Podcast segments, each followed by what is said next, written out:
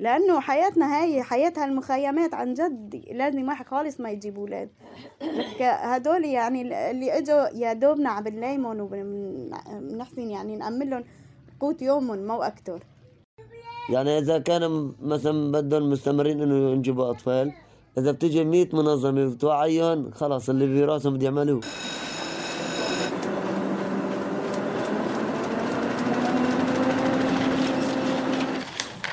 عنب بلدي. بودكاست.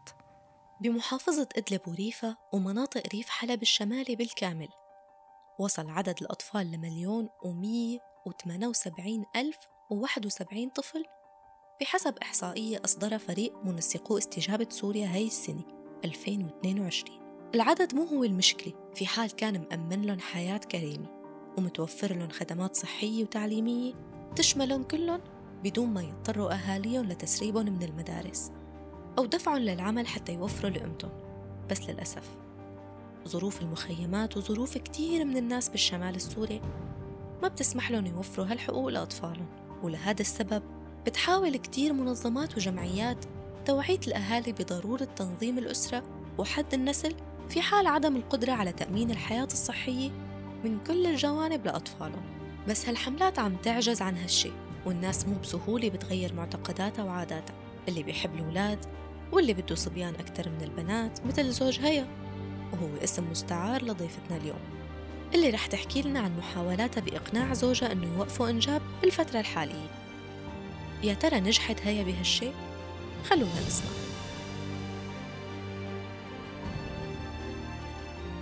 نحن مخيم بحربنوش مخيم الفقراء إلى الله اسمه. من أول ما طلعت العالم من المعرة بتعرفي من ثلاث سنين. آه، يعني هلا أنا مثلا آه، عندي عيلة خمسة أفراد. جوزي يعني بيشتغل يوم وعشرة بيوقف أو شهر بيوقف كمان. آه هلا مثل هالأيام عم بيطلع عفارة الزيتون والوضع لك كيف مطر وما عم بيحسن يطلع. بطل يأمن لنا حتى حق ربطة الخبز جوزي يعني هون النسوان تحمل وتجيب وكذا وقال ما عنده كتير صبيان وهيك. يعني أنا عندي ثلاث بنات عرفتي؟ إيه قام قلين ويعني بكي إنه بنجيب اخلى هالصبي يعني. أحاول كتير وقليل أنا ما يعني ما ردت بالأول لأنه ما في ما في مصاري يعني مثلا نجيب لهم مستلزماتهم.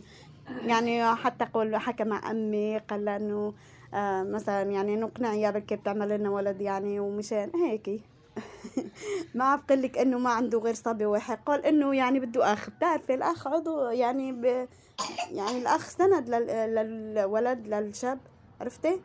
هو الزلم ما بيشبعه. بحبوا الصبيان بحبوا الأولاد كتير. بس بده وهو يعني لو إنه بس يشتغل أو بيده صنعة أو بيده مثلا وظيفي كان عادي. بس هلأ حياتنا هاي المأساوي عن جد بلا أولاد. لما بتعرف الأم بحملة وباللحظة يلي بتحس بها الروح جواتها بتحس بالفرحة والمسؤولية بنفس الوقت. بس لما تكون ظروف الأم صعبة بصير الإحساس غريب. يمكن بصير إحساس بالذنب إنها عم بتجيب ولد على الدنيا مو قادرة تتحمل مسؤوليته ماديا. يا ترى شو كان شعور هيا لما عرفت إنها حامل؟ آه، بتعرفي أنا هاي اللحظة يعني كيف بدي أقول لك صارت إنه مثل إذا صعبة مثل إذا هيك يعني خبر سيء وخبر كويس بنفس الوقت. ما أعرف شعوري إنه مبسوطة فرحانة ولا زعلانة.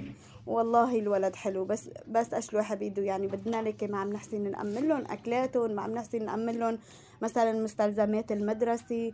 هلق مثلا هو عم يرضع الحليب مثلا ما أنا ما يعني ما في حليب يعني غصب عم بأمن له حليب من هون ومن هون مجاني غصب يعني. والله ما في شيء يعني من هلق من خمس شهور المخيم عن جد ما في شيء خالص. بتجينا يعني منظمة لسوء التغذية أكتر ما في آه يعني ما في حليب ما في ما في. حتى اليوم رحت عملت القيصرية تدين الدين وعملت قيصرية. والله تدينوا تدينوا من أخوه أخوه ساكن بناحية دانا يعني وضعه أحسن شوي. وما يعني لحد الآن ما حسنا نوفيهن الله وكيل. يعني مثلا هلأ أولادي مثلا يروحوا على المدرسة والله العظيم رحت جبت لهم بواطم البالي وغصب غصب لأمنت لهم إياهن هذا الطفل الصغير يوم اللي بدي اعمل له ديارة ما حسنت أنا اعمل ديارة رحت اشتريت أكتر قطع مستعملة من البالي واللي شحدوني إياه الناس شحدوني إياه عرفتي؟ الأطفال ما عندهم أي والله العظيم إجت بنتي امبارح حفياني أقسم بالله العظيم امبارح إجتني حفياني الله يعزك يعني مش صاير من بالي اللي جبت لها إياه هذا البوط. إيه، مفزور دغري معها طيب وبعد اللي صار؟ وبعد ما زوجها لهيا تدين حتى أجرت عملية القيصرية. شغله واقف وعمره كبير. يا ترى رح يقتنع ويوقف إنجاب؟ وهيا كيف صارت بعد إنجابها لهالطفل؟ لسه قادرة تتحمل تجيب كمان أطفال؟ ولا رح توقف بوجه زوجها في حال؟ رجع طلب منها يجيب أطفال.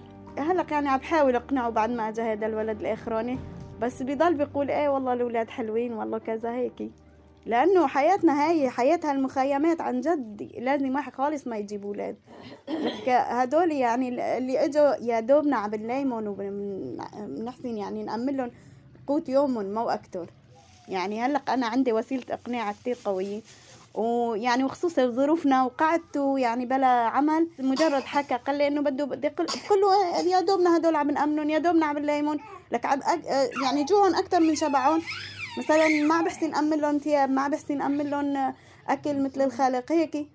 هون بيكون اقتنعوا قصر شوي.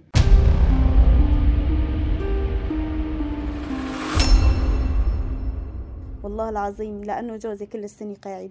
هو يعني خلقه معه مرض مريض. والعمل فرصة العمل للرجل الكبير كمان قليل كتير. يعني لو إنه شاب أهون شوي. زوجي ما هو صغير يعني عمره خمسة وأربعين سنة. إيه وأنا والله بنت أربعين يعني ما صغيرة كمان. بغار من رفقاته إنه هذا عنده خمس صبيان وهذا عنده ثلاثة هذا هيك. هيك بغار من مثلا من أخوته واخوته عندهم أقل واحد عنده ثلاث أربع صبيان خمسة. في بيوت بيلتقوا فيها سبعة في بيوت بيلتقوا فيها ستة في مشكل ملون هلا في عيلة جنب المني عشرة. صارت معي مثل الحالة النفسية. طلع في الأولاد بعد ما ضربوا المخيم. مخيم مرام بتعرفي أنت. طلع بولادي وتخيل حالي بموقف أم هالولاد هدوليك عن يعني جد والله العظيم جيت حطيت صار بكى الأولاد شافوني عم ببكي إيه حس حالي يعني إنه واقفة بهالموقف اللي وقفت أم هالولاد فيه. وعن جد ما يجيني غير البكا ولد واحد بكفي أنا بقول له. ولد واحد يشيل اسم الواحة ويعينه بهالحياة وحاج. بس هو ما يقتنع. أنا بالنسبة إلي مقتنعة الحمد لله رب العالمين. بهدولي ربي يخلي لي إياهم وخ...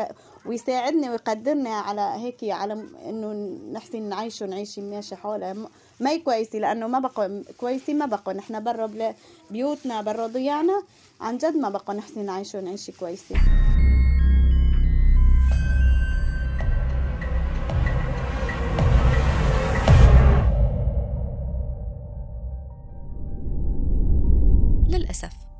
ضغط الزوج على هي خلاها تستسلم لرغبته بالإنجاب واللي دفع الثمن هي وزوجها والطفل الجديد.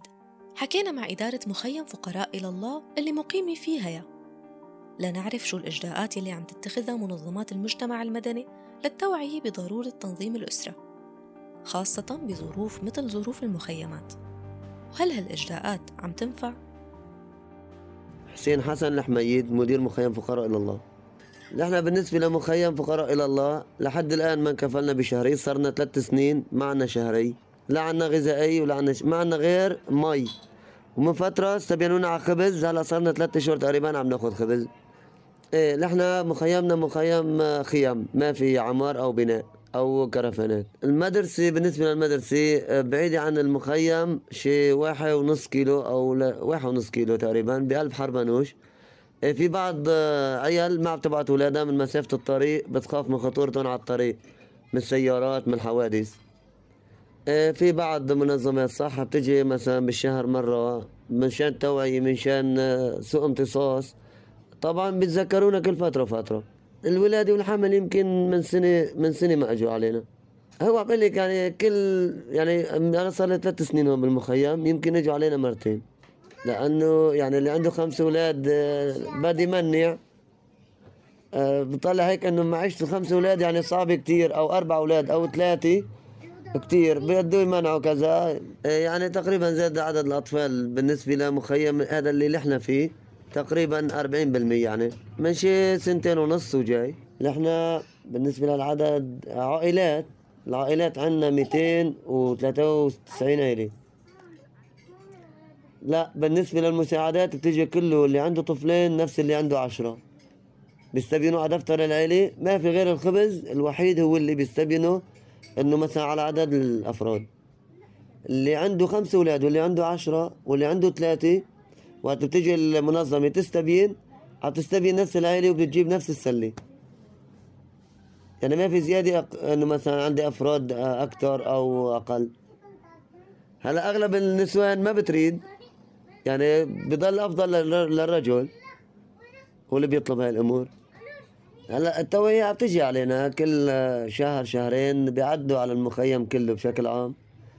بيعطوا دروس توعية بس الإفادة ضعيفة. والله أنا عم لك حسب رأي الزوج والزوجة بقى هي هن هدول اللي بيقرروا. يعني إذا كانوا مثلا بدهم مستمرين إنه ينجبوا أطفال إذا بتجي 100 منظمة بتوعيهم خلاص اللي براسهم بده يعملوه. هلا أنا مثلا عندي أربع أطفال. أنا كنت مفضل إنه على اثنين فرضا ولدين. تمام؟ قلنا بلكي الله بيطعمنا بنت. جابت بطن ثالث صار ولد. رجع جبنا بطن رابع صار ولد. قلنا لا خلاص وقفة. صرنا مثلا سنتين ونص ثلاث سنين موقفين.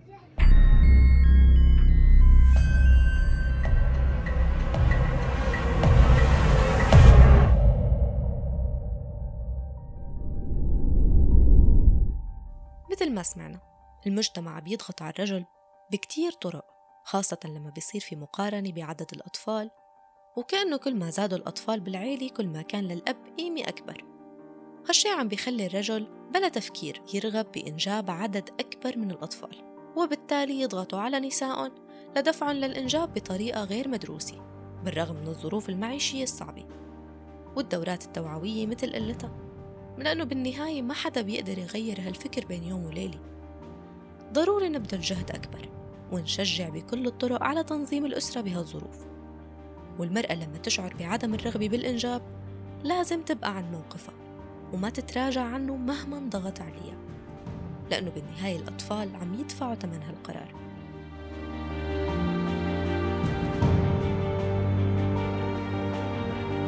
خلصت هالحلقة من بودكاست من جوا بس لسه في قصص كتيرة مخباية. إذا حابين تسمعوها استنونا بالحلقات اللي جاي. فيكن تسمعوا الحلقات من خلال موقع عنب بلدي بودكاست أو عبر منصاتنا على Apple Podcasts، Google Podcasts، SoundCloud و Stitcher. كنت معكم أنا سكينة المهدي من عنب بلدي بودكاست.